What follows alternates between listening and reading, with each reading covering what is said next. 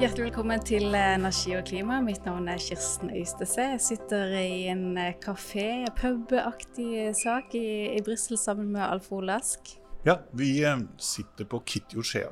Kitty-Oshea er eh, for alle som har vært i Brussel, eh, så tror jeg de nesten har sett henne. Den ligger jo liksom helt klint opp til EU-kommisjonen.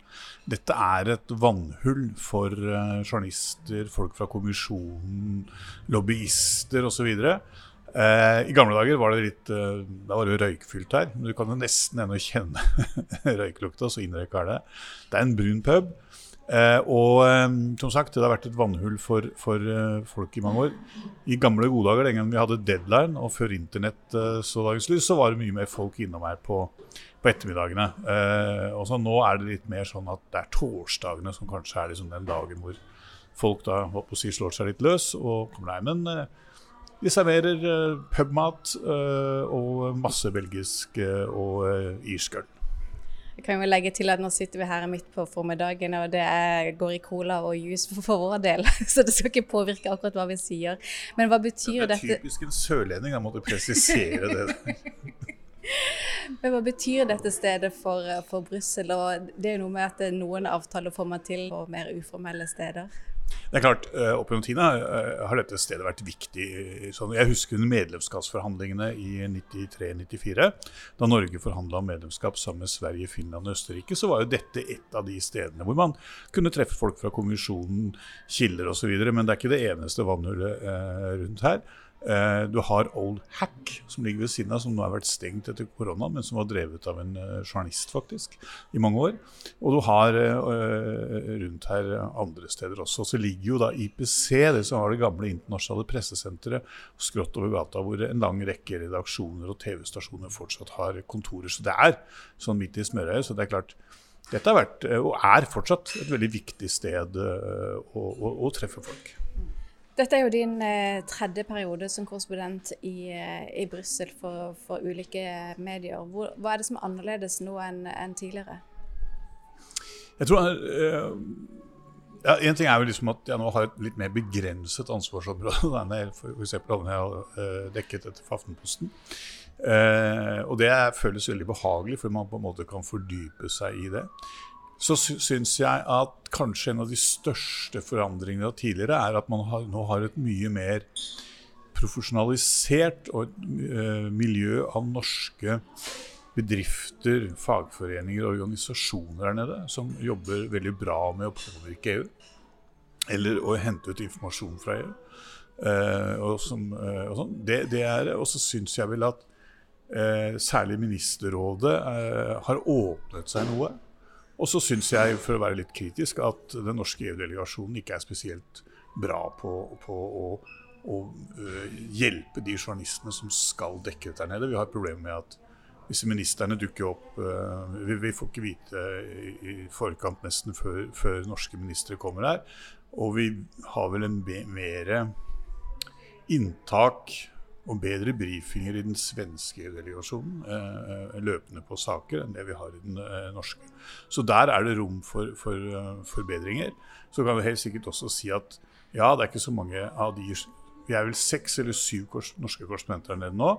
Det er ikke så mange av de som dekker mye EU, fordi de ofte er europakorrespondenter. Jo, og det er en del av, av medieutviklingen eh, som man kan mislike eller like, men, men, men sånn, eh, sånn, er det. Så eh, så ja, det er, det er, noen forskjeller. Også I tillegg til det så har Brussel, eh, som jo eh, på mange måter er en veldig fantastisk by, det forandret seg. Det er blitt mye mindre trafikk. Eh, mye mer sykkelstier. Sånn at Brussel er blitt en mye vennligere by å bevege seg rundt i enn det den var før. Eh, det er, det er, en stor, stor eh, fordel. Denne helga er det f.eks. bilfri helg i, i Brussel, eh, som er fantastisk. Nå har jo du vært korrespondent for energi og klima i et drøyt år.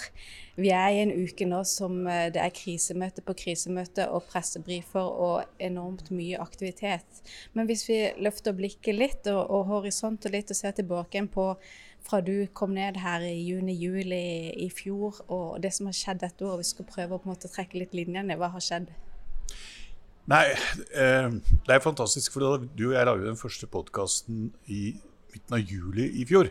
Da var det, eh, regnet det jo eh, masse. Eh, det var en flom som tok mange menneskeliv. Eh, samtidig la da EU fram denne Fit for 55-pakka. Og vi snakket liksom om hvor stort dette var, og at dette kommer til å gjøre vondt og kommer til å være epokegjørende. Eh, og det var for så, vidt, for så vidt riktig, men så kom jo da økningen av gassprisen. Og så kom etter hvert krigen i, i Ukraina. Uh, sånn at uh, liksom det vi snakket om den gangen som store utfordringer, det virker jo liksom, for å si det litt forsiktig, da mer håndterbart nå enn, enn det det var den gangen. Så, så, det er klart det har vært et, et, dette har vært et virkelig et dramatisk år, spesielt innenfor de områdene som vi er opptatt av. Mm. Men selv om Fit for 55 virker noe mer overkommelig i dag enn for et år siden, så er det likevel en omfattende klimaomstilling Europa står foran. Det er helt riktig. og I tillegg til den så har du fått uh, denne Repower EU-pakken som på en måte skjøter på den og øker f.eks. For fornybarkravet og sånn. Så må man jo huske på, det er viktig. Ja, Ministerrådet, altså medlemslandene, og Europaparlamentet har behandlet og kommet fram til sine standpunkter til Fit for 55. Men nå skal de eh, i samarbeid med kommisjonen forhandle seg fram til det som skal bli lovtekstene. Det kommer til å bli en tøff høst for de å klare det, og det er mye som tyder på at de ikke klarer å løse dette nå i høst, og at det går over i det svenske formannskapet. Det var iallfall det den svenske EU-ministeren sa da han hadde en pressekonferanse her bare for, for 14 dager siden. Eh, og det er nok at de fortsatt holder timeplanen, men det er klart at det begynner å bli mye på denne tallerkenen nå, ikke minst takket være ja, sagt, disse høye gassprisene som drar eh, strømprisen opp. Og de tiltakene som nå ligger på bordet, og som skal behandles i første runde av, av EUs energiministre nå til helgen. Og som du sa, både rådet og parlamentet har landa sine posisjoner på uh, absolutt alt nå i løpet av juni og juli. Så det meste er jo Altså vi vet hva posisjonene er, og det er jo tydelig at det aller meste kommer jo til å bli vedtatt. Ja, det gjør det. Eh, det tror jeg du har helt rett i. Det kommer til noe ut av det. Men det er klart at det er her, eh, som veldig ofte når man snakker om politikk og internasjonale forhandlinger, at djevelen bor i detaljene. Eh, og det er klart du har en del sånne ting Du har hele denne CBAM, karbongrenseavgiften, eh, som er veldig viktig for norsk industri. Der ligger også CO2-kompensasjonen på bordet. Det er en sak hvor nå rådet og, og, og, parlamentet har sine posisjoner, men de står ekstremt langt ifra hverandre. Uh, og er utsatt for et uh, sterkt press. Du har en del andre saker også, som utvidelsen av kvotehandelssystemet til bygg og transport og en del sånne ting, hvor det, hvor det også kommer til å være, være, vanskelig å skru sammen enigheten. Jeg sier ikke at det er umulig, men det kommer til å måtte ta tid. I løpet av dette året som du har vært her nå, hvordan opplever du Norges forståelse og interesse for det tog, altså det klimatoget som går i EU? Jo, jeg, jeg, oppfatter at det er en betydelig interesse. Jeg får mye henvendelser fra folk som vil at jeg skal møte grupper og snakke uh, og sånn. Uh, så det er, det, er en, det er, en, betydelig interesse. Det jeg kanskje er ikke si engstelig, men, men, men som jeg syns er litt merkelig, da, det er jo at norske myndigheter og det politiske Norge eh, diskuterer jo i veldig liten grad hvor omfattende denne Fit for 55-pakken er, og hvordan den vil, eh, vil påvirke Norge. Grunnen til det eh, enkelt sagt, er jo måten EØS-lover blir til på. At man først liksom begynner å behandle dem innenfor EØS-systemet når de er ferdig vedtatt i EU, men da er det jo for seint. Eh, Eh, og det, det, må jeg si at uh, det kan bli en blåmandag når man våkner og oppdager hva EU har vedtatt her, uten at man har hatt en diskusjon i Norge. Norske myndigheter, EU-delegasjonen her nede, er, er, nok liksom på ballen, og, og ikke minst næringslivet og sånn. Men, men, dette er jo pakker som er mye mer eh, omfattende, og som også griper inn i vanlige folks hverdag. Den debatten og den beredskapen eh, har vi nok ikke hatt i Norge. Og det er jo én side ved det. En annen side er jo dette som skjer akkurat denne uka her, med forslagene som eh, delvis ligger på bordet, som kommer uh, muligens flere forslag på bordet, som kan ha enorm betydning også for Norge. Altså, hva, kommer det pristak på gass f.eks.? Hva gjør man med strømmarkedet? Blir det noe mer inngripende i det? Hvordan opplever du denne uka, hvilke konsekvenser det har for Norge? Jeg tror det kommer til å få betydelige konsekvenser. Men nå gjenstår det, som du også sier, det er mange forslag på bordet. og Det, til, det som vel antageligvis kommer til å skje nå i første omgang, eller det man legger opp til nå i første omgang, er noen politiske avklaringer, stake ut noen retninger og si at det er disse reformene vi skal gå for. Og så vil alle de tekniske tingene komme eh, sakte utover høsten og vedtaket osv. Det gjenstår nok en del arbeid eh, på de områdene for, for liksom ikke minst å spikke jussen og, og, og, få på plass det, det, det tekniske. Men her, også her kommer det til å være interessant for Norge fordi eh, hva som er detaljene i dette. Eh, og det vet vi jo ennå svært lite om. Vi kommer antakelig ikke til å få vite så mye om det før etter uh, energiministermøtet og utover i neste uke, hvor da von der Leyen skal holde sin årstale til, til Europaparlamentet. Nå er det jo pressebrif, og det er mye møteaktivitet, mye de kaller krisemøter på, på ulikt nivå her. Hvordan opplever du kommisjonen og EU-parlamentarikerne i det de står i nå? Jeg opplever at det er en veldig høy grad av alvor. Eh, det, og det er liksom eh, Føler du på hver eneste dag eh, når du går rundt der. Det er veldig tidlig så hele denne bevisstheten om hva krigen egentlig betyr, og hvor alvorlig det er, har liksom seget veldig tungt inn. Altså, energipolitikk, ofte i viss grad også klimapolitikk, er nå sikkerhetspolitikk. Altså det å investere i fornybar energi Eh, energi er ikke noe du bare gjør for liksom du skal eh, være grønn og redde kloden. liksom. Det her handler om at dette er måten du kan komme ut av russernes grep på. Dette er liksom på en måte en del av forsvarslinja di. Eh, så det er blitt en helt annen alvor eh, i, i, i, den type diskusjon enn det man kanskje liksom eh, ser i Norge. Eh, og for kommisjonen og for EU-parlamentet, hva, hva, er på en måte worst case scenario her, sånn som de ser situasjonen i dag? Det tror jeg er at uh, all russisk gass forsvinner ut av markedet. At de ikke klarer å få nok uh, LNG.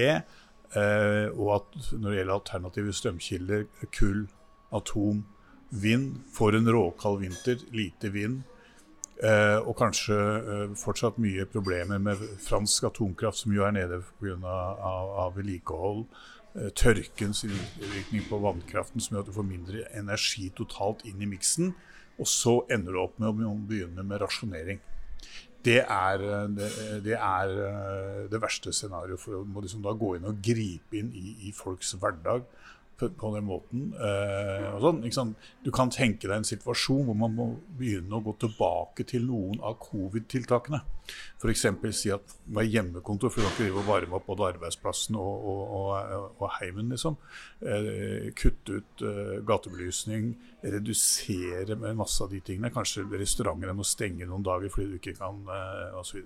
Altså, det er mange sånne tiltak som da kan komme på bordet, og som kan vekke noen assosiasjoner til det du hadde under covid, og som jeg tror uh, kommer til å slite kraftig på, på folk. Dette tror jeg er er virkelig er skrekkscenario for myndighetene og for kommisjonen og parlamentet.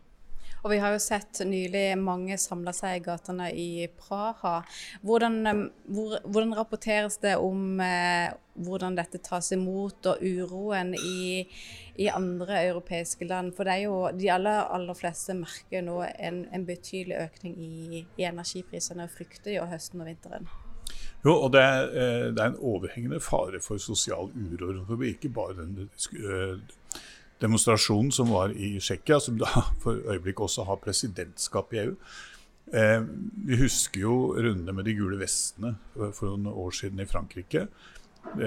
det er noen valg nå fremover i Sverige, i Italia, hvor man ser at populister fosser fram.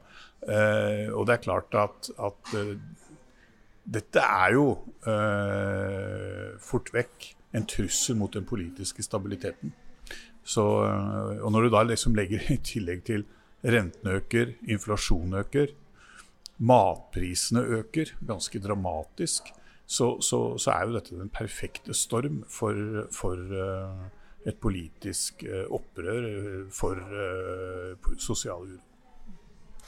Hvis vi løfter blikket litt framover, og vi vet vi skal gjennom noen, noen møter nå som kan eh, få konsekvenser for hva, de, hva, som gjøres på kort sikt med, med, energimarkedet. Men hvordan ser du høsten og vinteren og det neste året fremover? Hva, hva blir viktig å følge med på?